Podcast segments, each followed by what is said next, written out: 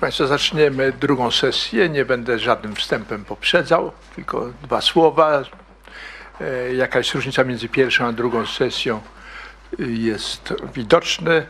Na początku prosiliśmy obserwatorów, a teraz aktorów, czyli, czy też ci, którzy mogą obserwacją uczestniczącą z nami się podzielić, którzy reprezentują parę ośrodków, nie wiem jak je nazwać. To nie są ośrodki polityczne, chociaż w różnym stopniu e, polityka interesuje e, te ośrodki, ale myśleliśmy, że może być rzeczą interesującą, żeby, żeby podzielić się również obserwacjami, uwagami nie tylko na temat tych konkretnie środowisk, tylko również patrząc z punktu widzenia tych środowisk na szersze problemy również młodzieży.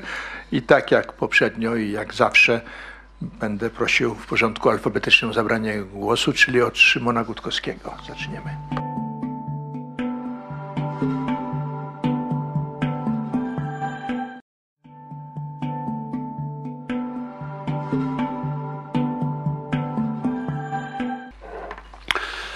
Ja nie byłem, ci z Państwa, którzy byli na, na, pierwszej części, to wiedzą, że mnie na pierwszej części nie było. W związku z tym e, ryzykuję teraz, że albo będę się powtarzał, albo mówił coś, co jest ewidentnie nieprawdziwe i coś, co już jako nieprawdziwe udowodnili e, mm, osoby występujące w poprzednim panelu. Ja jestem rzeczywiście bardziej praktykiem niż, e, niż obserwatorem. W związku z tym odniosę się bezpośrednio do, do tytułu Młodzi jako aktorzy polityczni. Przygotowując się do tego, poprosiłem u, mnie w firmie zespół, mam, mamy taki dział strategii, zespół strategów, którzy wszy, dużo z nich jest bliżej tego pokolenia niż ja, to są, to są 30-latkowie, czy też 20-latkowie, żeby wysłali mi swoje inspiracje i wysłali mi sporo bardzo ciekawych y, artykułów. Y, na pewno sądzę, że o tym była mowa w pierwszej części E, zarówno Milward Brown prowadził ciekawy projekt na temat e, młodych i prowadzi takie projekty. E, bardzo dobry artykuł w HBR-ze z października 2010 napisał pan Robert Zydel z IQS-u, zbierający różne wątki, również takie badania młodzi i media. Można by o tym mówić dużo, więc jakby starałem się swoje obserwacje z praktyki odnieść też do, E, do badań. No więc, czy młodzi będą wywierali większy wpływ na politykę? Oczywiście tak. To jest, e, e, to jest bardzo prosty wniosek. Jest ich dużo, będą coraz starsi, będą zakładali rodziny, będą mieli dzieci. Pytanie jest, kiedy będą wywierali wpływ na politykę. To, że będą, jest oczywiste. Zaczną się też interesować sprawami kraju. Jeżeli była w pierwszej części mowa o wartościach młodego pokolenia, to prawdopodobnie padało, padały takie słowa, E, które na pierwszy rzut oka i nawet na drugi mogą brzmieć negatywnie, jak pragmatyzm, konformizm, relatywizm, konsumpcjonizm, bo rzeczywiście jak się przygląda grupie młodych ludzi, dzisiaj no, urodzonych pomiędzy powiedzmy 86 a 94, 16-24-latkowie, czy 17-25, to rzeczywiście te wartości bardzo mocno się e, przebijają. E, wartościami są pieniądze, zdobycie pieniędzy, kariera zawodowa, ale też samorealizacja, czyli taka kariera zawodowa, która nie zagrozi mi drogi do szczęścia. Wydaje się, że młodzi ludzie nie zamierzają pracować po 16 godzin na dobę, że zamierzają zarobić tyle, żeby mogli też e, dobrze żyć.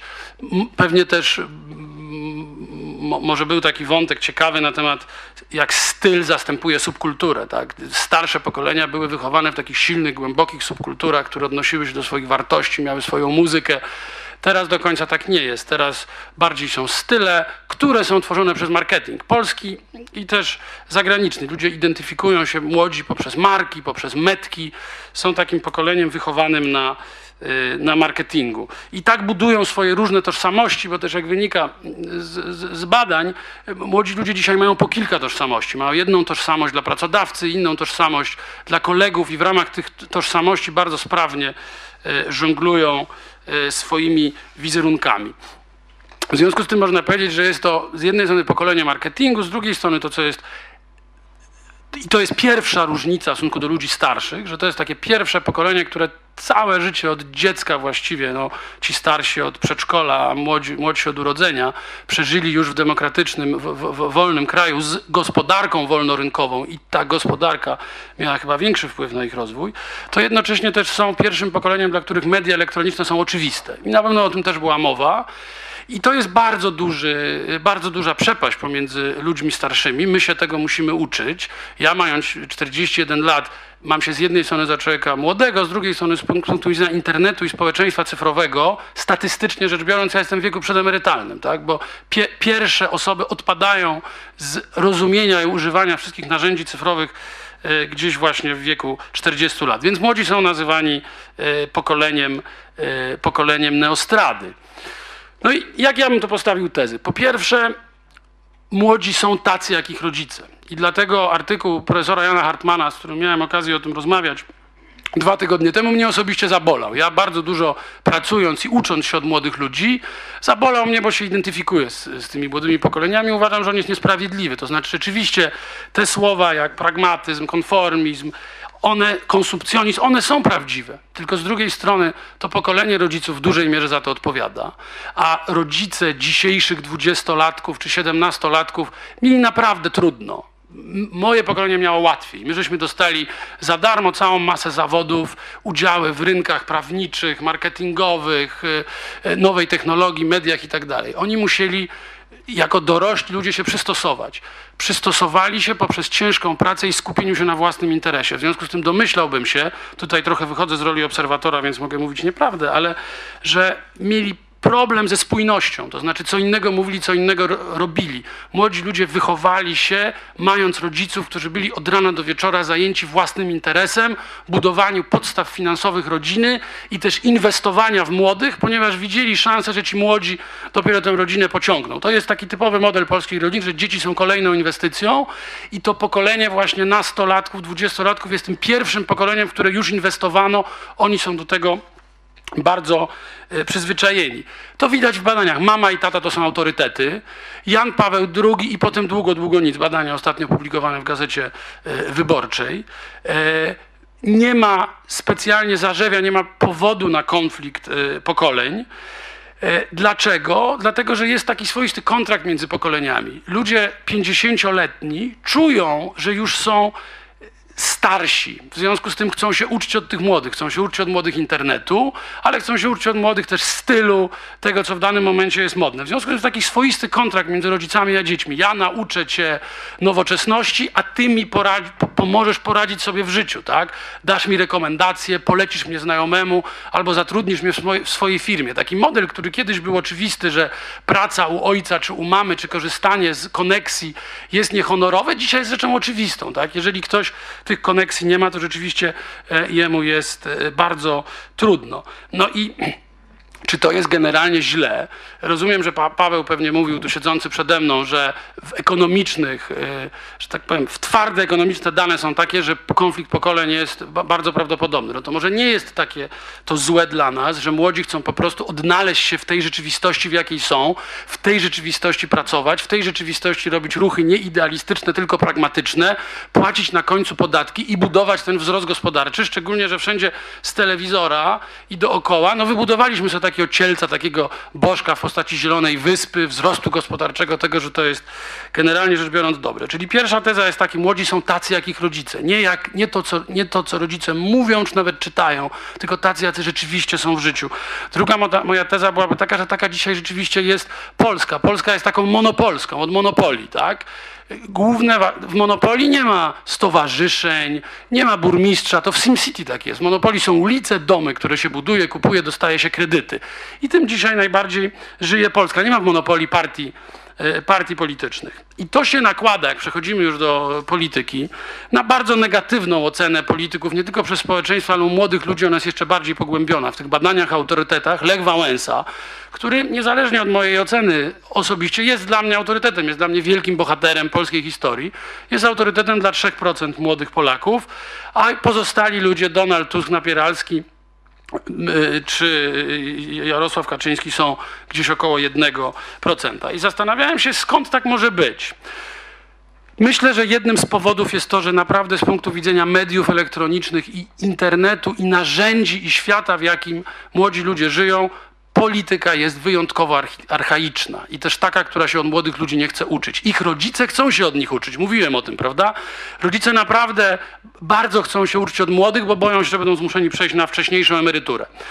Polityka to są niestety smutni panowie i panie w garniturach, agresywni, smutni ludzie, którzy prawdopodobnie w tych garniturach idą spać. Tak? Ja normalnie na spotkaniu w Projekt Polska, gdzie działam, jestem takim starszym rodzynkiem w organizacji dwudziestoparoletniej, nie przyszedłbym tak ubrany. Dzisiaj idę do ważnej instytucji publicznej po tym spotkaniu, dlatego, e, dlatego jestem w garniturze. Poza tym państwo też dla młodych jest archa- archaiczne. Państwo jest odległe i w neutralny sposób niezrozumiałe. I pro, proszę, nie, nie chciałbym nikogo urazić, bo to też nie mówię o swoich odczuciach, tylko o jakby wyobrażaniu sobie odczuć młodych ludzi.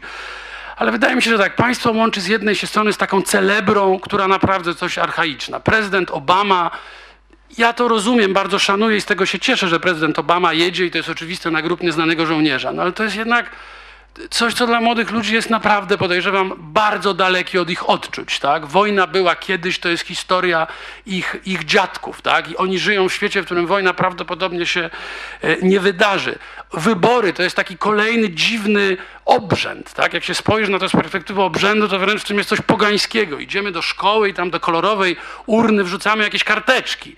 W sytuacji, w której e, oni, oni i my, tak? ja już też funkcjonuję w tym świecie, równolegle jesteśmy na spotkaniu, na Facebooku, SMS-ujemy, w kilku rzeczywistościach funkcjonujemy naraz i rzeczy dzieją się w świecie rzeczywistym. A demokracja odwiedza nas raz na cztery lata. No to, to jest problem. Po prostu to z punktu widzenia młodych jest naprawdę naprawdę archaiczne. Do tego, co też się pojawia w badaniach, obecność Kościoła jeszcze to pogłębia, prawda? Zawsze jeszcze tam na końcu musi być biskup, tak? Co nie znaczy, że w młodych nie, nie ma ludzi wierzących, natomiast wydaje się, że im to dosyć mocno przeszkadzać. Natomiast patrząc na to, jakie to pokolenie jest, ja bym nie spodziewał się rewolucji po pokoleniu ludzi młodych, tak? Bo to nie jest pokolenie rewolucyjne. Oni chcą się odnaleźć w tym świecie, w którym jest i pewnie bywa o tym, w którym e, żyją. W związku z tym, jeżeli myślimy o tym, że młodzi będą pokoleniem bardziej politycznym, to myślę, że jako pokolenie nie. Potrzebują wizji, potrzebują kogoś, kto w przekonywujący sposób zbuduje wizję bardziej pragmatyczną niż idealistyczną, taka, która pokaże namacalne korzyści. Myślę, że młodzi będą e, szanować tych polityków, którzy będą reprezentowali profesjonalną politykę, którzy będą tak pracę w polityce traktowali, tak jak oni traktują swoją pracę. No i oczywiście tu jest to zagrożenie, że tak traktujący politykę politycy będą głównie pracowali na słupki. I, I, z tym dzisiaj już mamy w Polsce e, do czynienia. W związku z tym pytanie, co, e, co w związku z tym można robić? Mnie się wydaje, i oczywiście może to być na moją, że tak powiem, ta, taki redukcja dysonansu poznawczego w moim przypadku, ale że moje pokolenie, ludzi, pokolenie 89, ludzi, którzy w 89 roku mieli 17-18 lat, że my ponosimy olbrzymią odpowiedzialność za to, jak starsi bracia za te młodsze pokolenia, tak? Bo my jesteśmy jedną nogą w świecie dzisiejszych polityków, tak? Myśmy jesteśmy wychowani na Kaczmarskim, jesteśmy wychowani na Wysockim, lepiliśmy plakaty w 89 roku, głosowaliśmy albo mieliśmy 12-13 lat i już byliśmy częścią tej dyskusji, świadomie bądź, bądź nieświadomie, a jednocześnie jesteśmy politykiem e, gospodarki. W związku z tym potrzebna jest na pewno młodemu pokoleniu nowa grupa liderów. Oni myślę się sami nie zorganizują a tych liderów też trzeba jakoś zorganizować. I tym się właśnie zajmuje, zajmuje taką reklamę, uwaga, czas reklamowy, na taką reklamę projektu Polska sobie pozwolę. Projekt Polska zajmuje się formacją małej grupy liderów w duchu liberalnym, bo okazuje się, i to też pokazują badania, że o tyle mu, trudno mówić o pokoleniu, że młodzi są bardzo sfragmentaryzowani, mają różnorodne zainteresowania i wśród tych zainteresowań trafiają się ludzie, którzy chcą działać społecznie. Też dlatego, że to ich pracuje na ich CV, bo jeżeli wpiszą sobie, że byli w zarządzie Ogólnopolskiego Stowarzyszenia, Stowarzyszenia albo byli w kole Ogólnopolskiego Stowarzyszenia i przeprowadzili ileś akcji takich, nie wiem, jak Razem 89 albo jak akcja profrekwencyjna, to zwiększają swoje szanse na rynku pracy, bo pracodawcy widzą w nich ludzi z większym doświadczeniem. Czyli wydaje się, że warto inwestować w grupę, w grupę liderów politycznych tego pokolenia, a kolejną rzeczą konieczną, i tym też się zajmujemy w Centrum Cyfrowym, y, a zajmujemy się, no bo to jest funkcja jakby diagnozy rzeczywistości, że państwo musi się otworzyć. Naprawdę, jeżeli chcemy wciągnąć młodych ludzi, to państwo musi się otworzyć i zrobić narzędzia interaktywne z dostępem otwartym do informacji. Takie, które będą na komórkach, które będą w internecie. Wszystkie kwestie dotyczące samorządu, decyzji, powinny być dużo bliżej tego, jak to wygląda dzisiaj na, chociażby na Facebooku czy na, czy na naszej klasie. Nie może być, ta, jeżeli demokracja będzie przychodziła raz na cztery lata, to młodzi ludzie będą od niej bardzo odlegli. Jeżeli się ich wciągnie i ona będzie praktyczna, to będą de- decyzje dotyczące szkół, e, lo, lokalnych inwestycji, e, decyzje dotyczące ochrony zdrowia i tak dalej, i tak. I ludzie będą w nie wciągnięci na zasadzie takiego we government, nawet nie e-government, tylko takiego we government. To się w Stanach dzieje. To mnie się wydaje, że to się, e, że to się zmieni. Bardzo przepraszam, jeśli mówiłem za długo. Dziękuję bardzo.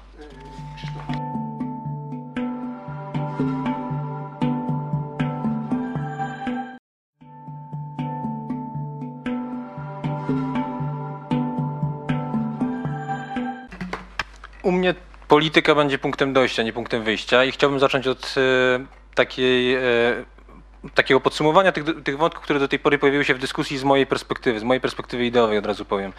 Otóż tak, e, wiem mniej więcej, że polskie, pols, Polacy, młodzi Polacy są bardzo e, różnorodni, trudno ich e, używać jednych kategorii do ich opisu. Wiem, że e, ta różnorodność jakoś sprawia kłopot, to znaczy to nie jest taka różnorodność, jaką byśmy chcieli, bo i w tekście, który jest wprowadzeniem do tej dyskusji Jana Hartmana i w wielu wypowiedziach do tej pory były takie uwagi krytyczne, to znaczy, że te postawy, które reprezentują młodzi ludzie, nie są postawami jakoś przez nas przyjmowanymi. No i teraz ja bym się chciał, może inaczej, mm, z naszej perspektywy, e, jakimiś, e, które mogły być wzorcami dla całej e, społeczności. No i ja bym się chciał zastanowić nad tym, jakby jaki jest, i od tego zacząć, jaki jest, jaka jest przyczyna takiego stanu. No i mm, wydaje się, że tutaj paneliści są dość, dość jednoznacznie wskazują na kryzys tradycyjnych instytucji, które kształtowały tożsamość i przekazywały wartości. Bo mamy tutaj u Szymona Gutowskiego powiedzenie, że mm, tak naprawdę jeden z, jeden z powodów to jest to, że młodzi ludzie widzieli u swoich rodziców, że z jednej strony oni coś tam im wkładali do głowy, ale z drugiej strony widzieli ten pragmatyzm i tego pragmatyzmu się uczyli. E, widzimy e, e, to, że w 2006 roku liczba rozwodów przekroczyła 70 tysięcy, więc brak takiej stabilności rodziny przekłada się na brak stabilności w postrzeganiu świata i trochę wszyscy jesteśmy takim, takim płynnymi tożsamościami. W wielu innych wypowiedziach to też się pojawiało, że ta tradycyjna rodzina gdzieś odeszła do lamusa, no i efekt jest taki, że, że tak naprawdę te dzieci, ci współczesni młodzi to są, to są dzieci tej, tej, tej rodziny w, w czasach kryzysu. Po drugie, dużo mówiono krytycznie na temat, na temat szkoły. Profesor Świta, e, e, Świta Zięba powiedziała o tym, że e, wsp- współczesna szkoła nie, nie uczy komunikacji. Było mówione dużo o tym, że skupia się wyłącznie na przekazywaniu wiedzy, ale nie mówi o tym, jakie postawy powinny, powinni uczniowie przyjmować, czyli nie kształtuje postaw. A zatem znowu jest tutaj takie wezwanie do takiej tradycyjnej szkoły, która, która byłoby dobrze, żeby poza wiedzą, poza tym, że ktoś dobrze zdaje maturę albo dostaje się do gimnazjum albo na studia, jeszcze też kształtuje w ludziach jakieś e, wartości i kształtuje ich sposób myślenia o świecie i mówi, e, co jest wartością, a co nie jest wartością.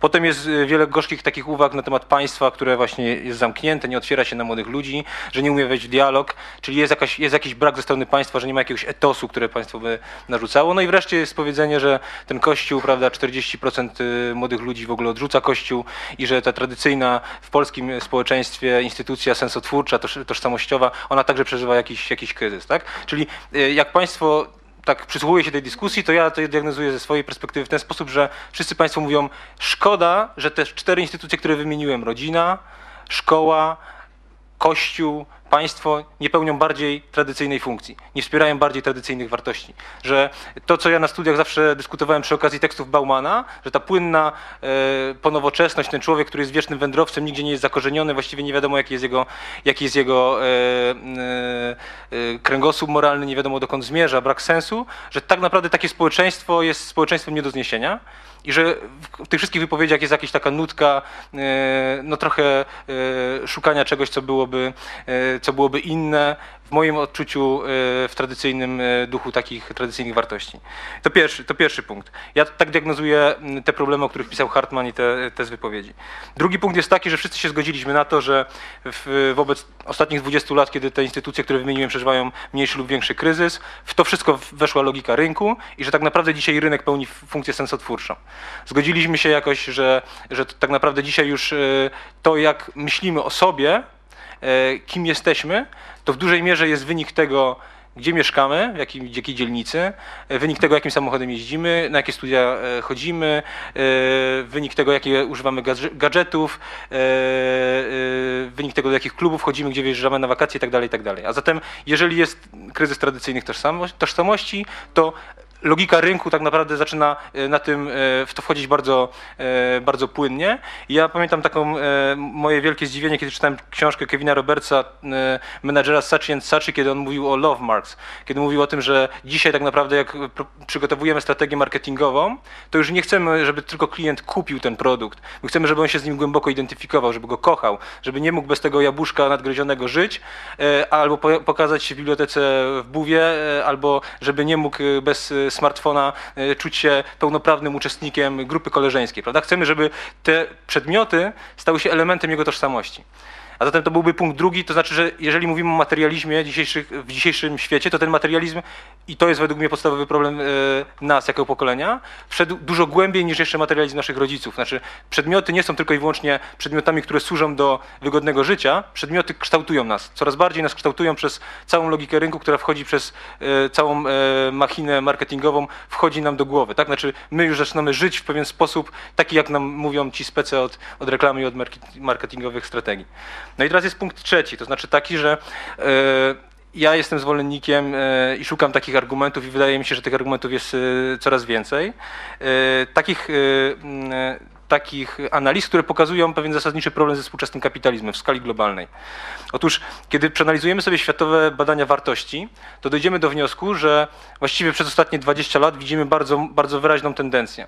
Wraz z bogaceniem się społeczeństw, wraz ze wzrostem PKB, poziom zadowolenia ludzi jest równy lub niższy, zniża się.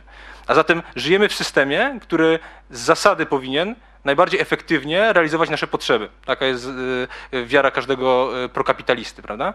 A w jakiś, w jakiś przedziwny sposób żyjemy w systemie, i to wy, wychodzi w badaniach, y, który nie tyle najlepiej realizuje i spełnia nasze wartości, tylko osiągnął mistrzostwo w kształtowaniu i w kreowaniu nowych potrzeb, które tak naprawdę przez hiperkonsumpcję nie, są, e, nie, jesteśmy w stanie ich e, zaspokoić.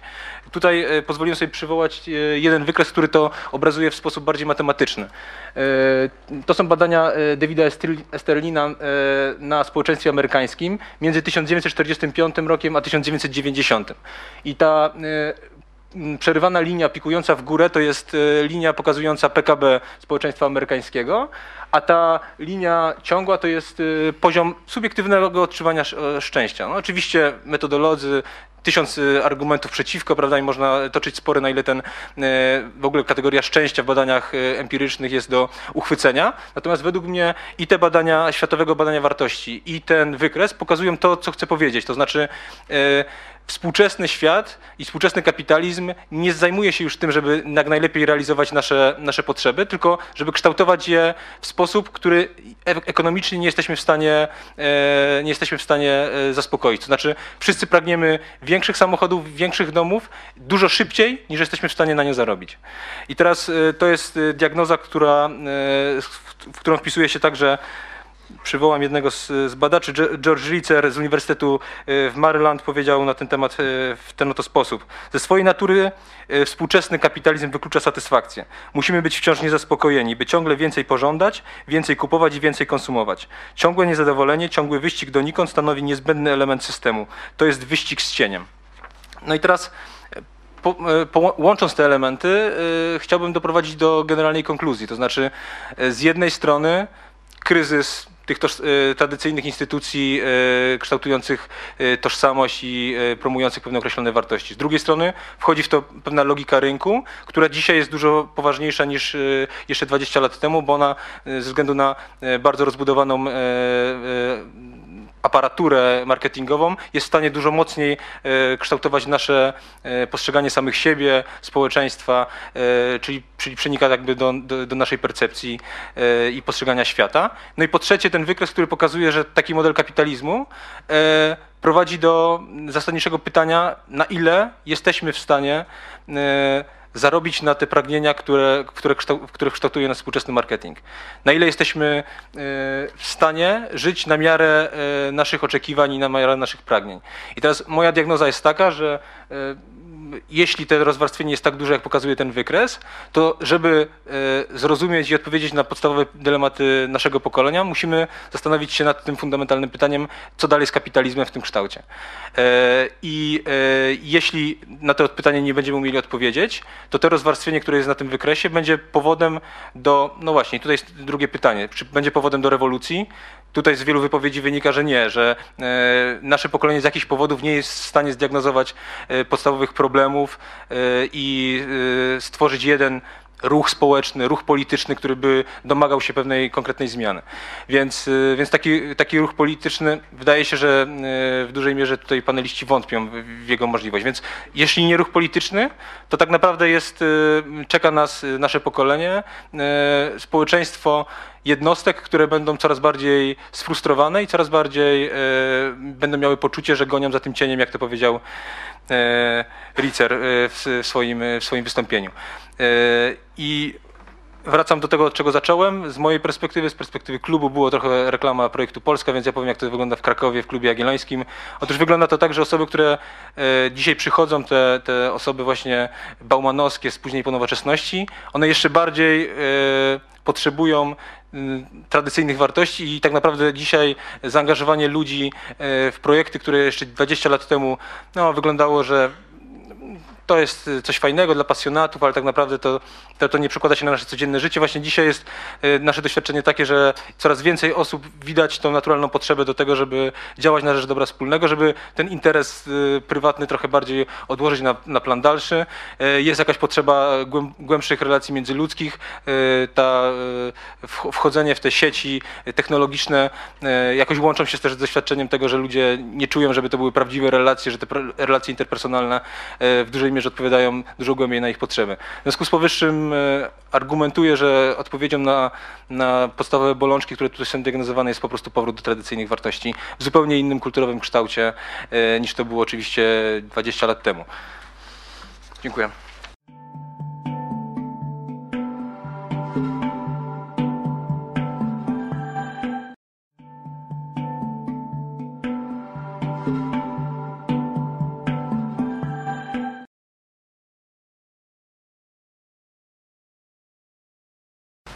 Dziękuję za zaproszenie. E, No więc ja przedstawię Państwu garść e, luźnych uwag. Nie, nie jest to jakaś spójna wypowiedź, e, ale ja po prostu jestem w kropce. To znaczy, ani prowadząc tą instytucję, którą prowadzę, ani Pismo, bo oprócz Pisma prowadzimy fundację i szereg programów. E, Nigdy sobie nie zadawaliśmy takiego pytania o pokoleniowość. Znaczy, no, uważam, że Republika i to, co robimy, nie jest dla wszystkich. To znaczy, jest to pewna określona grupa, e, której e, nie łączy doświadczenie pokoleniowe, a wszelkie inne zwią- związane z ciekawością świata, czy też z poziomem intelektualnym. Ale e, kiedy jakby stajemy przed tym pytaniem i stawaliśmy przed tym pytaniem, bo e, kilka dyskusji na temat pokolenia, pokolenia bez buntu e, pro, prowadziliśmy, to, to właściwie można bezradnie rozłożyć ręce. Mój teść mówi, kochajcie swoje wnuki, one, będą zemstą na waszych dzieciach. I trochę tak jest... Trochę mam wrażenie, tak jest w Polsce, że e, szukamy tych pokoleń e, i kolejne generacje szukają tych pokoleń, ponieważ używa, jest, kategoria pokoleniowości jest przydatna politycznie. E, nie tyle marketingowo, co po prostu politycznie. Jest, przypominając też 68 rok i wywiad Baumana z Kwaśniewskim, Tomkiem Kwaśniewskim, który właśnie otrzymał nagrodę imienia Barbary Łopieńskiej, Tomek Popiński, to chyba było w kuluarach, bo on tego w wywiadzie nie, mógł wydrukować. e, Powiedział, że Bauman miał taką, e, ale ponieważ to było publicznie, to będę cytował. E, powiedział, że no tak, 68 rok miał pewnego rodzaju taką strategię leninowską, to znaczy usuwanie pierwszego pokolenia tego najwyższego, przez co zapewniało się pewnego rodzaju ład, brak, e, jakieś, nie, nie, nie było szczególnego buntu, ponieważ wszystko, jakby takie było dążenie, że, e, że wskoczą kolejne pokolenia, taka była intencja władzy, że wskoczą kolejne pokolenia, które, które nie zbuntują się, na, na, nastąpi kooptacja czy co- coś w tym stylu. I ja sobie myślę, że e, ostatnie lata, to znaczy dziesiątki lat, e, dowodzą trochę słuszności tej, e, tej tezy. To znaczy, nie ma pokolenia dzisiaj, nie ma języka pokoleniowości, a przynajmniej żywego języka pokoleniowości, bo, bo oczekiwanie tego języka i oczekiwanie pokolenia jest, ponieważ nie było pokolenia 40-latków, naszych, znaczy obecnych 40-50-latków. Mimo, że Piotr Nowak pisał tą książkę, czy redagował książkę właściwie, nie, nie, nie napisał jej, bo to jest zbiór wielu, wielu autorów odnoszących się do pokoleniowości wojna pokoleń. I wstawia w niej tezę, że pokolenie Dariusza Gawina, właśnie Piotra Nowaka, Marka Cichockiego i tak dalej stworzyło pokolenie, bo stwor- stworzyło wspólny em, zbudowany gdzieś tam wokół języka Augschota, Karla Schmidta, em, Leo Straussa, to uważam, że w gruncie rzeczy oni nie stwo- nie stworzyli żadnego pokolenia, z którym młodzi mogliby walczyć, nie stworzyli żadnego idiomu, zatomizowali się i nie są żadną wyraźną klasą polityczną, czy też grupą polityczną, czy też pokoleniem, które stanowi punkt odniesienia do tych młodszych. Po to, żeby e, stworzyć uwięzić tych młodych po to, żeby oni się mogli buntować. Młodzi nie są związani niczym e, w tym sensie symbolicznym, bo o ekonomicznych i, i socjologicznych aspektach no to już dzisiaj wystarczająco było e, powiedziane. E, W związku z tym jedyną strategią młodych i młodego pokolenia jest eskapizm. E, Do, dowodzi, dowodzi to e, mi, w, w, znaczy taka wypowiedź, która padła w sobotę, jednego z wybitnych liderów politycznych, pana Napieralskiego, rocznik 74, który przed Obamą, przed Obamą argumentował że tego, co Polsce potrzeba, to stypendiów do Stanów. Znaczy, y, że to jest naprawdę to, czego my oczekujemy i młode pokolenie tego oczekuje. I ja, ja na początku chciałem go wyśmiać, a potem się zastanowiłem, że być może to jest cały czas ten obowiązujący dyskurs y, pokoleniowy. Znaczy, że młodzi chcą generalnie wyjechać. Generalnie chcą uciec, chcą nie brać udziału, chcą, e, chcą, chcą, chcą być na tych stypendiach. Tylko, że potem się okazuje, że kiedy wyjeżdżają, mierzą się z tą real, realnością, tą rzeczywistością, która jest domeną całego świata, to znaczy tam, tam są pewnego rodzaju pokolenia uwarunkowane ekonomicznie. To też znowu badania były przytaczane. Znaczy zawsze spotykają się z dosyć nisko zawieszonym sufitem e, i brakiem możliwości e, karier. E, Przytoczę tutaj dwie, dwie wypowiedzi, które zawarliśmy w ostatnim numerze dotyczącym Polonii w ogóle i, i powrotów, czyli strategii argumentacyjnych, które, e, które mogą mieć w głowie osoby, które kiedyś tam wyjechały z różnych przyczyn i teraz pytamy, co by było, czy co mają w głowie, kiedy wracają albo zastanawiają się nad powrotem. Dwójka młodych relatywnie osób wybrała dwie ścieżki. Jedną, jedną osobą jest Tomasz Bańka, były dyrektor Fundacji Schumana, która wprowadziła Polskę do Unii Europejskiej. Chciałoby się mm, pom- pomyśleć, świetna e, droga do kariery teraz e, w Polsce. No nie, on zaraz, kiedy się tylko głosowanie, referendum zakończyło na tak, on wyjechał do Brukseli. On tam, no, on tam zostanie po prostu. Znaczy w strukturach Komisji Europejskich. On ma na to dwa e, powody. Po pierwsze, to jest oczywiście ekonomiczne. Znaczy, żeby utrzymać e, rodzinę na jego poziomie aspiracji, on po prostu musi mieć więcej pieniędzy, w Polsce ich nie będzie miał. A po drugie, nawet, i on to wprost przyznaje, nawet e, wiedząc, że tam nie będzie nigdy realizował tak szybkiej kariery e, zawodowej, osobistej jak w Polsce, bo w Polsce robimy zawrotne kariery zawodowe z punktu widzenia naszych kolegów na Zachodzie, na świecie w ogóle, to, e, to on i tak tam wybierze tamten model, ponieważ on jest przewidywalny, jakiś stabilny. On może sobie tam planować pewnego rodzaju e, ścieżkę przyszłości. W Polsce jest to zupełnie e, niewiadome. Taka, taka ścieżka dla dla niego tutaj nie istnieje. Druga wypowiedź to jest wypowiedź Gabrieli Buczek, która wyjechała do, z rodzicami do Kanady chyba w wieku 6 lat, no i nie wiem, co jej przyszło do głowy, ale wróciła i wróciła tutaj na dobre. Znaczy pracuje w mediach, e, jest redaktorką, angażuje się, e, pała miłością do tego kraju. ale na poziomie racjonalnym, poza tymi wszystkimi e, emocjami, które związała e, w swojej strategii argumentacyjnej z powrotem do kraju, to jest też racjonalny wybór. To znaczy ona widziała ten szklany sufit właśnie w Kanadzie, gdzie miała otwarte ścieżki zawodowe w różnych telewizjach i w życiu by to takiej kariery nie robiła, jak tutaj w Polsce. I te dwie różne e, ścieżki, te dwie różne drogi pokazują mi, że ludzie w Polsce, e, mimo że mają e, wszelkie możliwości do tego, żeby tworzyć pokolenie silne, prężne, realizujące się na rynku pracy, budować strategię argumentacji odnoszącą się do, do pewnej generacyjności, tego nie robią i zauważają to tylko osoby z zewnątrz, albo zauważają to tylko osoby, które wyjechały i są za granicą, no ale już tutaj nie wrócą. Em, To jest mój pierwszy, e, pierwszy punkt i, i, i zarzut taki dotyczący e, naszego wspólnego języka. Znaczy ja nie, nie, nie formułuję go konkretnie personalnie, po prostu tworzymy taki język. E, Potrzeby pokoleniowości, używania pokoleniowości jako narzędzia walki, narzędzia politycznego, a z drugiej strony właściwie jest, każdy, każdy z nas jest takim i politycznym, ideowym eskapistą. Druga rzecz to to myślę, że to, to, jest takie odwołanie do tych czynników technologicznych. E, Rzeczywiście któraś z Pani wspomniała o, o książkach, o czytelnictwie. E, To też nawiązuje do wychowania. E, I uważam, że to jest zupełnie absolutnie kluczowy i nieporuszany, y, jeszcze być może nie, nie strawiony intelektualnie wątek dotyczący tego, w jaki sposób ludzie dzisiaj myślą. To znaczy, wszyscy ci starsi, nie wiem w którym momencie ta granica się e, kończy, ale ci starsi, którzy są wychowani na książkach, myślą inaczej niż ci, którzy wychowani są na e, ściąga.pl, Wikipedia i, i, i Facebook e, z bardzo takich em, behawioralnych e, powodów. To znaczy, sposób czytania książki wymusza inny tryb, inny sposób myślenia te książki idą, odchodzą troszeczkę do lamusa, przynajmniej na, na dzisiaj z tego, co widzimy, widzimy po badaniach czytelnictwa.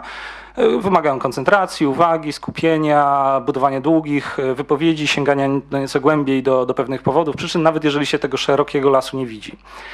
E, A e, młodzi czytają, nie wiem czy Państwo wiedzą, ale każdy zresztą z nas, każdy, jeżeli ktoś przegląda internet, to oko e, podąża za kształtem litery F. Czytamy pierwsze dwie linijki, potem połowę następnej, czy też następnego akapitu, potem jeszcze może troszeczkę i generalnie lecimy po pierwszych wyrazach aż do końca. I, tak, I to wiemy mniej więcej na podstawie badań empirycznych od 2006 roku i to powoduje, że my zupełnie inaczej rozmawiamy, komunikujemy się, inaczej bu- budujemy język, nawet jeżeli ten język ma być wspólnotowy, to on jest niesamowicie płytki.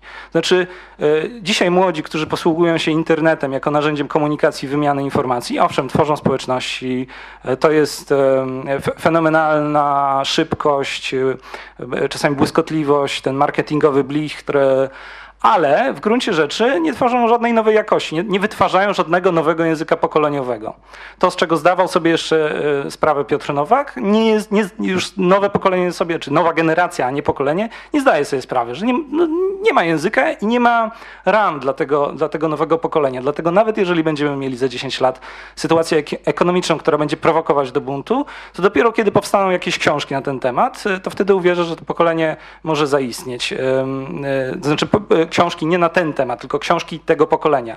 Książki, które będą, będą zawierać język i kategorie, e, nowe kategorie opisu rzeczywistości, bo inaczej to nie będzie żadne pokolenie. E, Co? Za długo? Nie, nie, chciałem powiedzieć, że to brzmi jak wezwanie, ale przepraszam. No tak, jest to wyzwanie.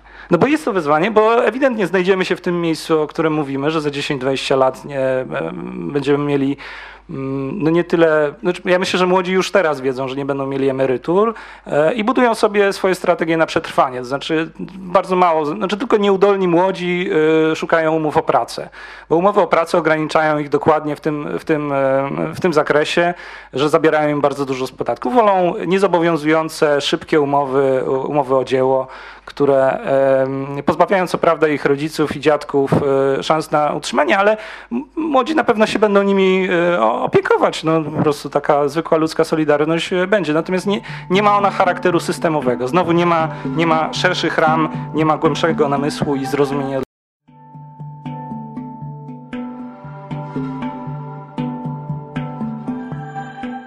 Michał Sutowski, krytyka polityczna, proszę. Dziękuję bardzo.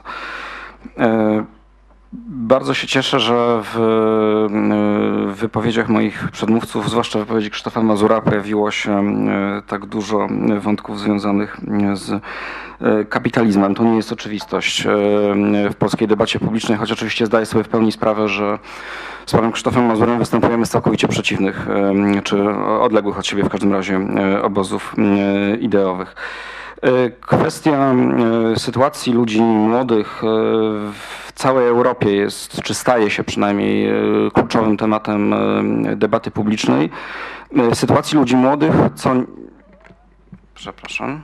Co e, nie oznacza e, w oczywisty sposób e, definiowania konfliktu społecznego jako konfliktu pokoleniowego, choć i takie próby czasem się po- podejmuje. No, co do empirii na temat sytuacji ludzi młodych w Polsce, wydaje mi się, że panuje tutaj pewien elementarny konsensus. To znaczy i nasi przedmówcy w poprzednim panelu, ale i tutaj już pojawiały się, czy przewijały podobne wątki, to znaczy to jest również poruszany przez polskie media e, temat e, wysokiego poziomu bezrobocia wśród ludzi młodych, wśród absolwentów, także wśród absolwentów, braku pewności i bezpieczeństwa zatrudnienia, a także stosunkowo duży poziom sceptycyzmu wobec obecnego życia politycznego, zwłaszcza życia partyjnego i priorytet postaw e, indywidualistycznych nastawionych na to, co nazwano tutaj e, samorealizacją. Co do kwestii, do kwestii konformizmu postaram się odnieść e, na samym końcu, w, konkluzji. I jeśli mamy te elementarne, dane empiryczne, no to na ich, czy, wo, czy wokół nich możemy w moim przekonaniu wyróżnić takie trzy dominujące w Polsce narracje. Znaczy jedna to jest taka, którą ku memu zaskoczeniu reprezentuje między innymi profesor Jan Hartman, to znaczy wyrzuca on e, no, pewien rodzaj nihilizmu czy, czy dominację postaw egoistycznych, postaw wsobnych, takich, które są skierowane tylko i wyłącznie no, na mm, zaspokajanie jakichś e, elementarnych potrzeb bez potrzeby wykroczenia e, w stronę na przykład działalności publicznej. Zaskoczyło to mnie to o tyle, że kojarzy mi się to w wariancie wulgarnym z takim opowiadaniem Machta dzisiejsza młodzież, a w wariancie bardziej wyrafinowanym z takim e, dyskursem upadku cywilizacji, ale on jest właściwie raczej e, myśli konserwatywnej, bo i Ortega y Gasset i Oswald Spengler, jak wiemy, e, biadający nad upadkiem cywilizacji, no, reprezentowali zupełnie inny światopogląd niż pan profesor Jan Hartman, także jestem zaskoczony bardzo mocno. E, Druga narracja to jest narracja taka deterministyczna, która mówi o tym, że no, świat dookoła jest jaki jest i nasza gospodarka i społeczeństwa są takie jakie są. W związku z czym bardzo wiele problemów e, młodzieży wynika po prostu z albo wygórowanych ambicji, albo z niedostosowania własnych oczekiwań do do tego wysiłku, jaki człowiek jest gotów e, podjąć. No tutaj takim najbardziej chyba charakterystycznym e, przejawem tego myślenia były komentarze do takiego bardzo dużego artykułu w Gazecie Wyborczej, w którym mowa była właśnie o gigantycznym wskaźniku bezrobocia wśród e, polskich absolwentów i tam były dwie wypowiedzi, dwa komentarze na pierwszej stronie. Jeden to był e, komentarz reprezentanta Konfederacji Pracodawców Polskich i on odpowiedział, że no cóż, że skoro e, jest bardzo duże bezrobocie wśród absolwentów i nawet wśród osób wysoko wykształconych, to znaczy, że rynek się nasycił. I to właściwie była konkluzja, znaczy i odpowiedź i to był ostateczny horyzont tej odpowiedzi. No a druga odpowiedź to była odpowiedź ekonomisty z Forum Obywatelskiego Rozwoju, który powiedział, że po prostu e, młodzi absolwenci są za mało zdeterminowani do zdobywania edukacji kolejnych punktów w CV, krótko mówiąc za mało się starają. Więc najprościej problem leży w e, predyspozycjach i nastawieniu przede wszystkim e, jednostek, a nie w jakichś kwestiach systemowych. Natomiast sama okoliczność czy same warunki szerokie zostały uznane za dane e, i obiektywne. Jest jeszcze trzecia narracja, taka, która e, stwarza pozór, iż staje po stronie młodych. To jest narracja właśnie konfliktu pokoleniowego, w którym podkreśla się, że oto młodzi ludzie ciężko pracują, studiują po, i kończą po dwa kierunki, pracując jednocześnie, pracują na umowy zlecenia i umowy e, o dzieło. E, często w kilku miejscach naraz. No natomiast ci starzy okupują te dobre, ciepłe posadki, na których mamy płacone składki ubezpieczeniowe, pewność zatrudnienia niemal, e, może nie do grobowej deski, ale do pewnej e, emerytury. I to emerytury relatywnie wysokiej, bo jak wiemy jeszcze dziś emeryci są wbrew wielu stereotypom stosunkowo dobrze uposażoną grupą na tle, na tle wielu innych. I tutaj mamy do czynienia z sytuacją, w której również pewne obiektywne warunki zwłaszcza rynku pracy. Znaczy pewne warunki rynku pracy są traktowane jako dane i obiektywne, no i w związku z czym e, konflikt pokoleniowy starzy młodzi jest ich niejako naturalną e, konsekwencją. Oczywiście ta narracja popada w pewną sprzeczność, dlatego że jeśli e, większość ekonomistów, polityków społecznych i ekspertów, niezależnie od profilu ideologicznego, e, zgadza się z tym, że niezależnie od tego, jaki będziemy mieli system emerytalny, czy to będzie system repartycyjny, czy to będzie system kapitałowy, czy to będzie system mieszany, to y, bez znaczącego wydłużenia okresu pracy, krótko mówiąc, y, opóźnienia wieku przechodzenia na emeryturę, nasze emerytury będą żałośnie niskie. Y, I tutaj się zgadzają lewicowcy, prawicowcy, centry, centryści i y, niemal wszyscy, y, no co oznacza, że ta tendencja, w której ci y, starsi chcą jak najdłużej pozostać na rynku pracy, będzie się raczej pogłębiać, a nie, y, a nie y, niwelować. Y, I teraz Mówiliśmy bardzo dużo o tym i moi przedmówcy o pewnym sfragmentaryzowaniu pokolenia, o braku pewnego fundamentalnego doświadczenia i fundamentalnej narracji, która by łączyła y, młodych ludzi w jakąś jedną y, wspólnotę doświadczenia. Y, Niemniej jednak wydaje mi się, że można wyznaczyć kilka przynajmniej elementów, które to pokolenie łączą i składają się na to wspólne doświadczenie. No i tak, tworząc taki, proszę wybaczyć, y, staromodny model podziału na nadbudowę i bazę, ja może zacznę od nadbudowy, czyli od stanu świadomości. To znaczy, to co łączy y, młodych ludzi dziś, to y, niespełniona obietnica merytokracji. To znaczy, niespełniona obietnica z początku okresu polskiej transformacji, która mówiła, że przy pomocy połączenia talentu i indywidualnej pracy i wysiłku zapośredniczonego czy umożliwionego y, przez, czy, przepraszam, skonkretyzowanego przez system edukacji, y, można, mówiąc naj, naj, naj, naj, najprościej, uzyskać możliwie dużo profitów, jeśli chodzi o standard życia i szeroko rozumiany sukces i wysoki status społeczny. Y, Ta ideologia, znaczy tak, była to z jednej strony ideologia promowana przez w zasadzie wszystkie media głównego nurtu, promowana bardzo intensywnie przez polską szkołę, bo polska szkoła lat 90. i obecnie również to jest szkoła y, promująca postawy konkurencyjne, czy postawy y, nakazujące indywidualną, y, taką, znaczy próbująca kreować taką, y, taki pozór przynajmniej silnej indywidualnej podmiotowości dążącej do y, sukcesu. To jest zresztą coś, o czym również Wojtek y, Przybylski wspominał. Y, I tą ideologię przez pewien czas, to znaczy przez kilka przynajmniej lat, potwierdzała również praktyka. To znaczy faktycznie bardzo wielu młodych ludzi w latach 90. robiło bardzo szybkie e, kariery. E, Tutaj pewna korekta, czy pewna niezgoda z tym, co powiedział Wojtek Przybylski. Znaczy to nie jest tak, że my robimy bardzo szybko kariery. Te kariery bardzo szybko robione w latach 90. I to rzeczywiście było nieporównywalne w stosunku do ustabilizowanego kapitalizmu, e, względnie ustabilizowanego kapitalizmu e, Europy e, Zachodniej. Wydaje mi się, że dzisiaj sytuacja jest już dużo bardziej problematyczna. Jeśli chodzi o postawy polityczne, na poziomie świadomości to jest chyba dość powszechne przekonanie, że jeśli mm, odnosimy sukces, czy to indywidualny, czy to sukces zbiorowy jako Polska, która się modernizuje, wchodzi do Europy itd., itd., to czynimy to raczej pomimo naszego systemu politycznego niż dzięki niemu. E, Jeśli myślimy o źródle dobrobytu i źródle rozwoju, to jest to raczej Unia Europejska niż e, rząd w Warszawie czy nawet mm, samorząd e, lokalny. E, Pamiętam falę oburzenia, jaka przetoczyła się przez polskie media, kiedy wysoki urzędnik ambasady brytyjskiej w depeszy do premiera Tonego Blaira po, pozwolił sobie na dość aroganckie uwagi na temat tego, że to rząd brytyjski zapewnił najwięcej miejsc pracy Polakom. Wydaje mi się, że wśród szerokich warstw społecznych ta uwaga mogłaby się spotkać z dużym zrozumieniem. To znaczy poziom świadomości, że to od Unii Europejskiej od szans emigracji zależy bardzo wiele, czy może zależy najwięcej, jeśli chodzi o nasz, e, nasz poziom życia, że ta, ta świadomość jest dość mocno e, rozpowszechniona. E, I mm, teraz, jeśli chodzi o kwestię tego wspólnego doświadczenia na poziomie takim socjoekonomicznym.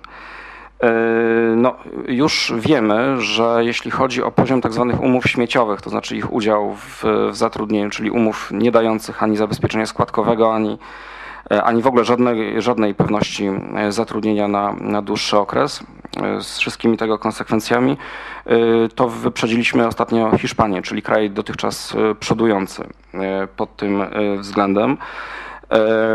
Bardzo wiele mówi się w Polsce o konieczności dostosowania polskiej edukacji do wymogów rynku pracy. To zresztą było wspomniane w trakcie pierwszego panelu.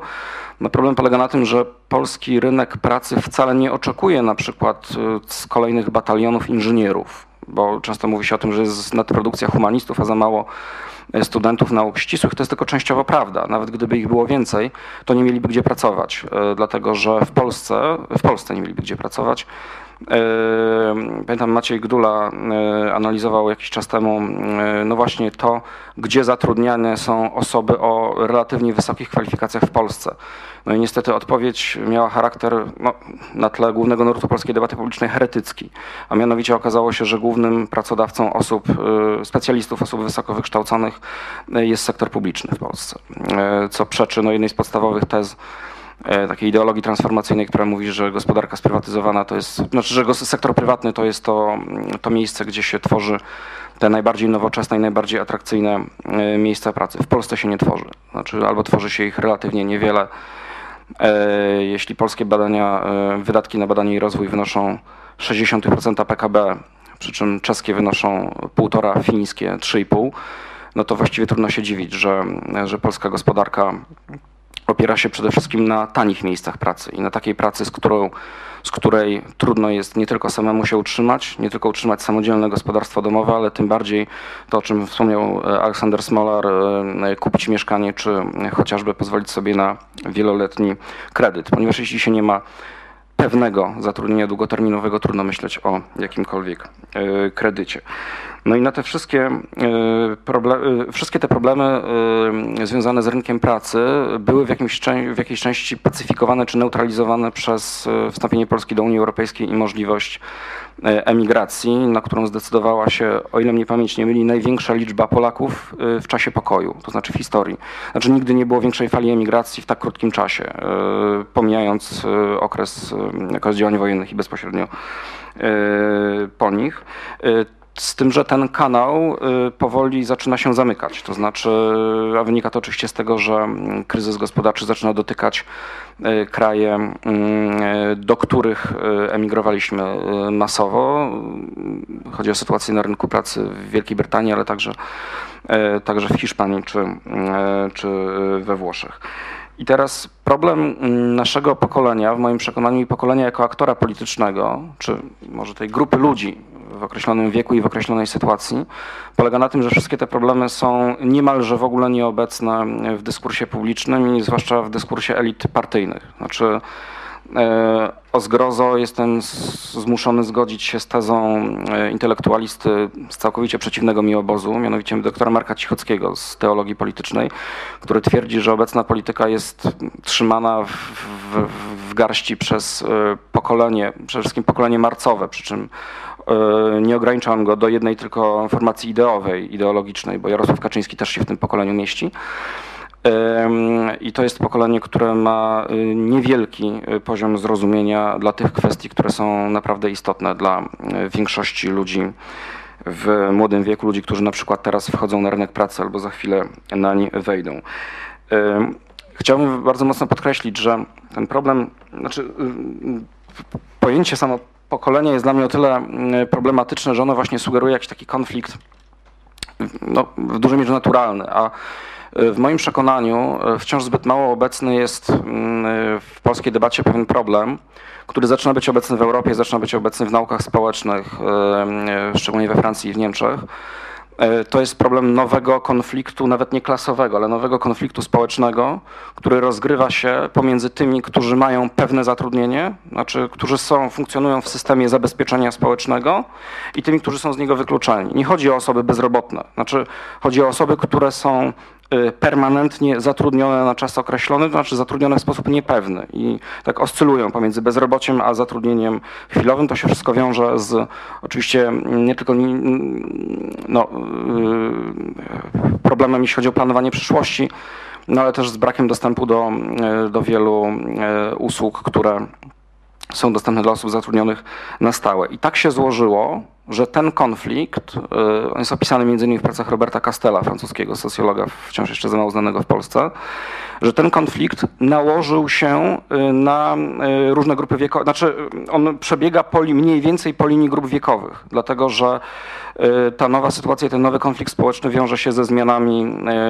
y, gospodarki kapitalistycznej y, świata, przede wszystkim zachodniego. No i tak się złożyło, że na, ten nowe formę, na tą nową formę kapitalizmu, preferującą pracę zwaną elastyczną, czyli pracę której nie mamy pewności zatrudnienia.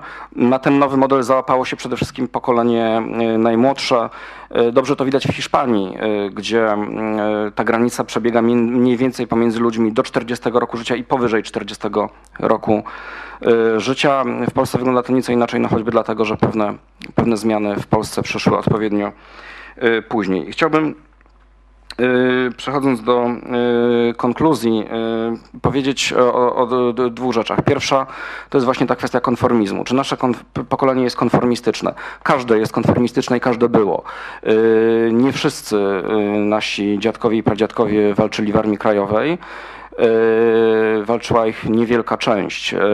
Kiedy czytamy książkę Andrzeja Friczkę o polskiej opozycji demokratycznej, to przeczytamy takie dla wielu szokujące zdanie, że kiedy y, że, że między bajki należy włożyć opowieści o masowym zaangażowaniu politycznym studentów. Chodzi o rok y, 77 i moment zabójstwa Stanisława Pejasa. Wtedy w czarnej procesji y, wzięło udział dużo mniej osób niż w odbywających się w pobliżu y, juwenaliach organizowanych przez oficjalne organizacje y, studenckie. Y, Każde pokolenie, podobnie pokolenie, była mowa o tym w pierwszym panelu, pokolenie roku 68 na Zachodzie również było traktowane jako bardzo konformistyczne.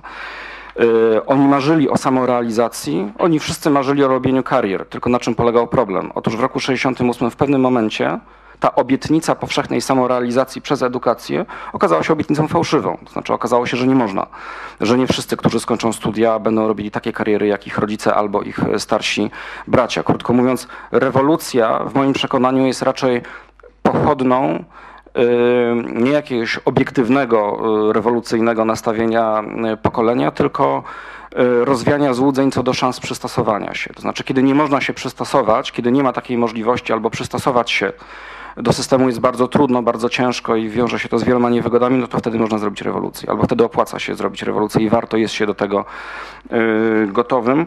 Druga kwestia, y, co to miałoby znaczyć w praktyce? Czy, czy polskie społeczeństwo może być aktorem y, czy polskie młode pokolenie może być istotnym aktorem politycznym odrębnym od, od, od, od, od poprzednich. Y, Wydaje mi się, że Wojtek Przybylski powiedział bardzo ważną rzecz, to znaczy y, pewne kwestie y, muszą zostać wyartykułowane i muszą zostać wyartykułowane tu. Y, W Polsce wciąż brakuje języka do tego, żeby y, określone konflikty społeczne opisać, opisać w sposób nieimitacyjny i opisać w sposób, który rzeczywiście odpowiada proszę wybaczyć taki esencjalizm, ale w, w, odpowiada rzeczywistym sprzecznościom i konfliktom społecznym. Y, Niewątpliwie e, tym sprzecznościom i konfliktom nie odpowiada język współczesnej debaty e, w głównym nurcie polityki i nie odpowiada temu główny konflikt partyjny, nie wiedzieć czemu nazywany wojną polsko-polską, mimo że jest to wojna mm, grupy elit politycznych i publicystycznych. Tutaj znowu się zgadzam z kolejnym konserwatystą, tym razem Robertem Krasowskim, który mówi, że to jest publicystyczna wojna elit, a nie, a nie wojna dwóch narodów czy dwóch e, społeczeństw.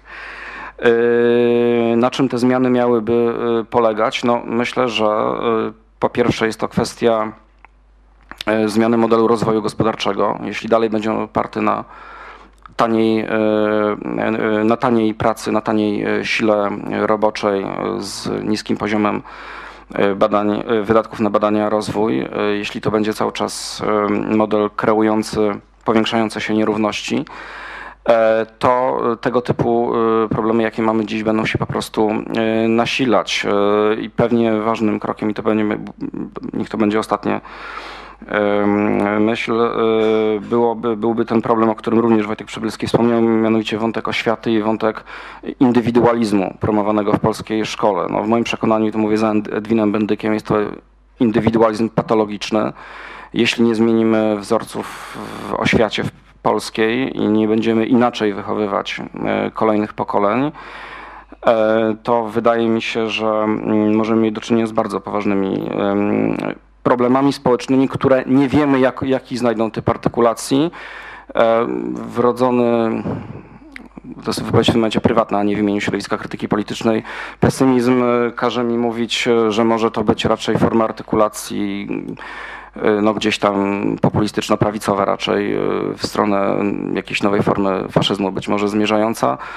Jako reprezentant krytyki politycznej mówię, że oczywiście naszym zadaniem jest wyartykułować to w taki sposób, żeby narracja populistyczna nie znalazła dla siebie miejsca. Dziękuję.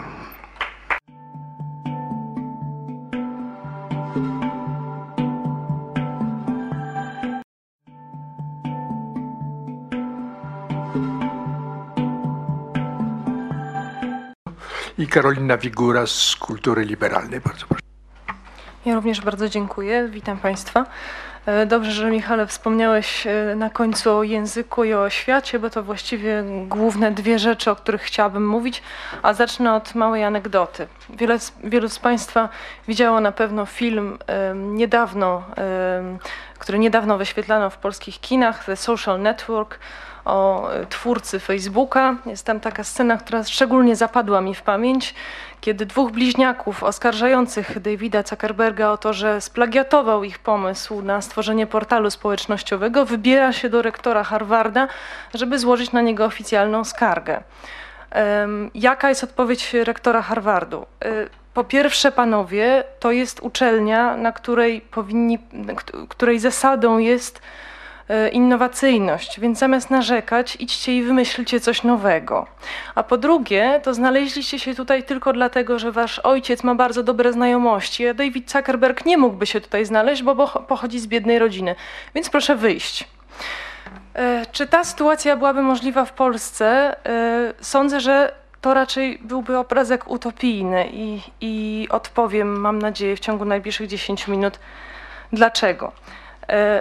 Myślę, że y, poruszamy się w Polsce i po- poruszamy się y, rozmawiając o, o młodych, e, definiowanych, ja, ja ich będę definiowała tak, jak oni byli definiowani w poprzednim panelu, czyli na sposób socjologiczny, jako grupę młodych ludzi pomiędzy, przyjmijmy, było wspominane 15 a 25 czy 15 a 29, to przyjmijmy, że tak.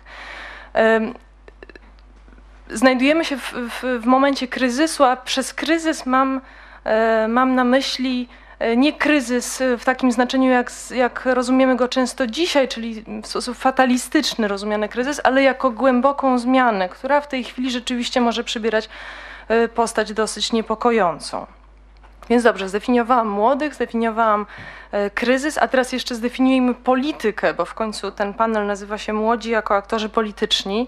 Z punktu widzenia liberalnego polityka jest sporem. To bardzo dużo powiedziane, dlatego że spór to znaczy bardzo duża odpowiedzialność za to, jak się mówi, co się mówi, jakich słów się używa, jakich argumentów się używa.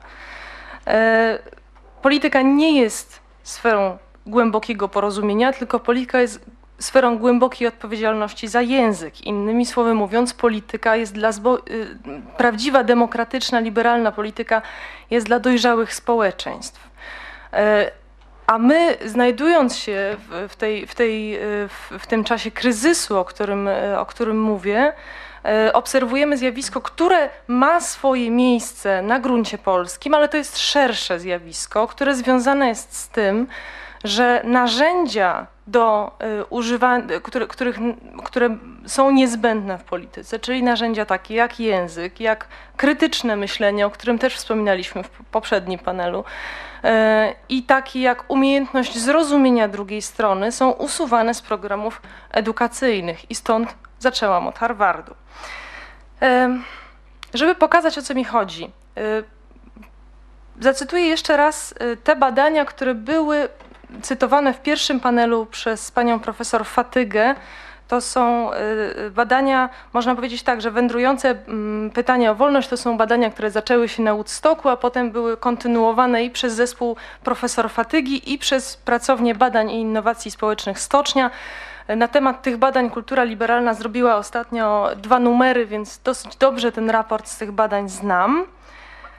No i właśnie, y, odpowiedzi młodych na pytania o to, co to będzie Polska za 20 lat, jakiej chcę Polski za 20 lat, co to znaczy wolność, y, jakiej chcę zmiany, były głęboko rozczarowujące. W jakim sensie? Y, Przede wszystkim zamiast tego, o czym wielokrotnie tutaj powtarzaliśmy podczas, podczas dzisiejszej dyskusji, to znaczy zamiast jakiejś reprezentacji bun- buntu, e, czy jakiejś reprezentacji e, diagnozy społecznej sytuacji, mamy tutaj właściwie już nawet nie reformulację tych samych myśli, które otrzymywane są czy to w procesie edukacji, czy też w przekazie medialnym, ale raczej powiedziałabym, że reformulację tych samych formuł językowych już nawet, tak? Czyli na dobrą sprawę y, ci młodzi, którzy odpowiadali w warsztatach i w badaniach y, pracowni badań i innowacji Stocznia, używali bardzo dużych słów, takich jak patriotyzm,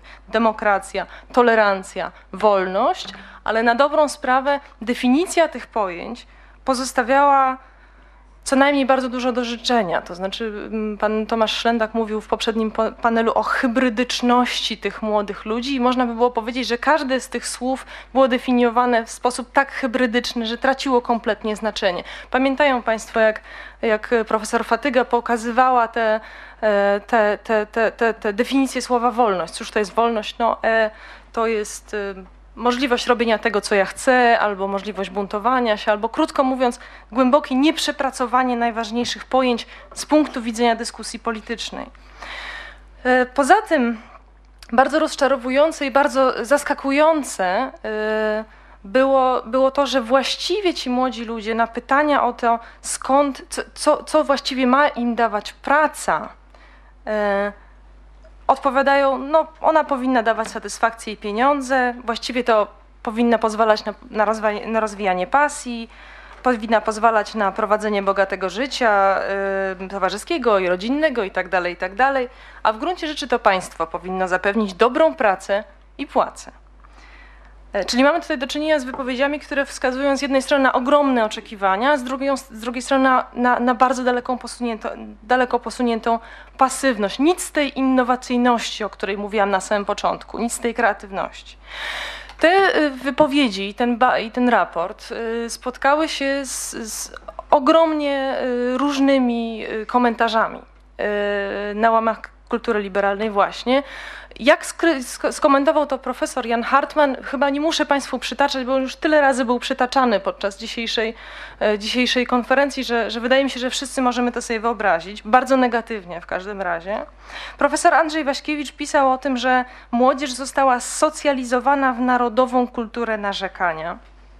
Profesor e, Anna Giza-Poleszczuk natomiast pisała o tym, że, że te badania stoczni dowodzą, że na dobrą sprawę młodzi nie mają gdzie rozmawiać. I te badania były jedynym miejscem, jedyną agorą, na której oni mogli się spotkać i porozmawiać. A ponieważ pierwszy raz rozmawiali, więc ich wypowiedzi były tak nieprzepracowane, jak właśnie słyszeliśmy. Z mojego punktu widzenia najciekawszą wypowiedzią ekspercką e, w tej dyskusji była wypowiedź profesora Wojciecha Łukowskiego, który, który zapytany o postawę roszczeniową młodych powiedział, że to nie jest kwestia, to nie jest problem roszczeniowości młodych, tylko to jest kwestia pewnego konformizmu, czy nazwijmy to systemem konformizmu, w który ci młodzi wchodzą, kiedy próbują znaleźć swoje miejsce, czy to w ugrupowaniach politycznych, czy to na rynku pracy i zaznaczał, że bardzo e, powiązane są, ze sobą te dwie sfery, to znaczy sfera rynku pracy i sfera, e, i sfera polityki na, na, na niższych i na wyższych szczeblach. To znaczy, na czym polega ten konformizm? Na tym, że, że, że, że szukając swojego miejsca, powiedzmy, powiedzmy w tej chwili pracy, młodzi nie mają pokazać swoich umiejętności krytycznego myślenia. Nie daj Boże. Młodzi mają pokazać, że znają swoje miejsce w hierarchii. A więc dyskusje, czyli tak, czyli wchodząc w ten, w ten system, oni od razu rezygnują z postawy ryzyka. Skoro tak, to wszelkie dyskusje już później po zatrudnieniu, powiedzmy z szefem, dotyczą nie adrem, tak, nie są adrem, tylko one są, one dotyczą hierarchii, tak? Czyli krótko mówiąc, trzeba znać swoje miejsce w hierarchii i wiedzieć, komu prawić komplementy. I to niszczy na samym początku skłonność do ryzyka, a skoro skłonność do ryzyka niszczy, to trudno się dziwić, żeby, że, że, że ci młodzi ludzie dysponują jedynie postawą roszczeniową, bo pasywność z, z, bra, z brakiem skłonności do ryzyka y, idzie, idzie w parze i tak samo idzie w parze z kompletną niezdolnością do, do odnalezienia się w, w, sytuacji partnerstwa. Teraz y, to, to, tyle, to tyle, jeżeli chodzi o, o, o, o Wojciecha Łukowskiego. Natomiast zupełnie wstrząsający tekst napisała w, pierwszym, w pierwszej odsłonie tego tematu u nas Ewa Serzysko, która, która odwróciła to pytanie. Pytała nie, y, nie jak sobie młodzi wyobrażają Polskę za 20 lat i swoją wolność i swoje miejsce, ale jakich my młodych chcemy za 20 lat. W tej sytuacji, jaką możemy zdefiniować, biorąc pod uwagę to, co powiedziałam do tej, do tej pory, to znaczy, że dysponujemy systemem, w którym po pierwsze premiowany jest konformizm, e, po drugie e, panuje coś, co nazwałabym głęboką deprywacją godności, to znaczy z tego wynika moim zdaniem wyjeżdżanie młodych za granicę. Zaznaczmy, że to nie chodzi tylko o Polskę, to jest cała Europa Środkowo-Wschodnia. To jest pewnego rodzaju poczucie deprywacji godności. To nie, to, to nie tyczy tylko wysokości w, w, y, zarobku, to tyczy ogólnego po, po, poziomu życia i możliwości po, porównania, którą mamy teraz, wyjeżdżając do Unii Europejskiej i wracając. Um, czy może poruszając się w obrębie Unii Europejskiej, byłoby lepiej powiedzieć. I po trzecie, to jest coś, co ja bym nazwała y, głęboką porażką kultury liberalnej, nie w sensie czasopisma, tylko w sensie y, pewnego projektu edukacyjnego. Mniej więcej takiego projektu edukacyjnego, jak można by było odtworzyć na podstawie wspominanego już tutaj Leo Straussa, czy, czy, czy takich y, liberalno-komunitariańskich myślicieli jak Michael Walzer czy Marta Nussbaum, to znaczy kultura liberalna jako pewien projekt edukacji, który zakłada po pierwsze rozmowę o tym, co to jest wspólnota, po drugie praktyczne uczenie się tego, jak współpracować, po trzecie kultura sporu, to znaczy ja bym powiedziała, że, że to nie jest kwestia powrotu do tradycyjnych wartości, tak jak ty mówiłeś, tylko raczej Polacy są narodem bardzo rozpiętym pomiędzy dwoma biegunami, z których jeden, jeden nazwałabym tradycyjnymi wartościami, nazwijmy je, nazwijmy je y, y, wartościami narodowo-religijnymi, a bardzo nowoczesnymi, bardzo indywidualistycznymi, bardzo liberalnymi wartościami. To jest ten zasadniczy spór, który się w Polsce rozgrywa i który wciąż nie do końca znajduje swój, swój wyraz poprzez to, że, że, że, że, że brakuje tego języka. Ale właściwie co to znaczy, że brakuje języka? To znaczy, że brakuje treningu w używaniu tego języka. I teraz, jeśli, jeśli cokolwiek miałoby się zmienić, bo ja myślę, że, że istnieje takich środowisk, a istnieje ich coraz więcej, znaczy takich środowisk jak krytyka polityczna, jak Republika Nowa, także w pewnym sensie jak, jak, jak Projekt Polska, jak Klub Jagielloński, Kultura Liberalna i wiele innych, bo przecież to nie wszystkie środowiska nowe tutaj siedzą. Wydaje mi się, że to jest odpowiedź na taką bardzo palącą potrzebę y, budowania tej kultury liberalnej. E, nazywajmy ją jak chcemy, tak? kultury sporu, kultury dyskusji itd., tak itd. Tak to się nie obędzie bez pewnego rodzaju, bez zanurzenia się w pewnego rodzaju lektury i być może, i tutaj jest ten słaby punkt albo niebezpieczny punkt mojego rozumowania, i być może nie obędzie się również bez pewnego rodzaju e, elitarności, ale to, że te grupy, te środowiska odpowiadają na te potrzeby, nie zmienia faktu, że tak naprawdę to miejsce, w którym e, w którym e, młode pokolenie powinno być uczone tego języka, to jest jednak system edukacyjny. I tutaj dochodzimy do tego, o czym też wspomnieliśmy bardzo i bardzo to było mocno powiedziane w pierwszym panelu, ale ja być może powiem to jeszcze mocniej. Mianowicie polska szkoła na wszystkich szczeblach jest największą obok PKP ofiarą polskiej transformacji. E, W tym sensie, że że, że ta matura, do, do której przygotowywani są młodzi ludzie, po prostu nie przygotowuje do, do tego, żeby młody, jak to mówi e, tytuł tego panelu, stał się aktorem politycznym. Dziękuję.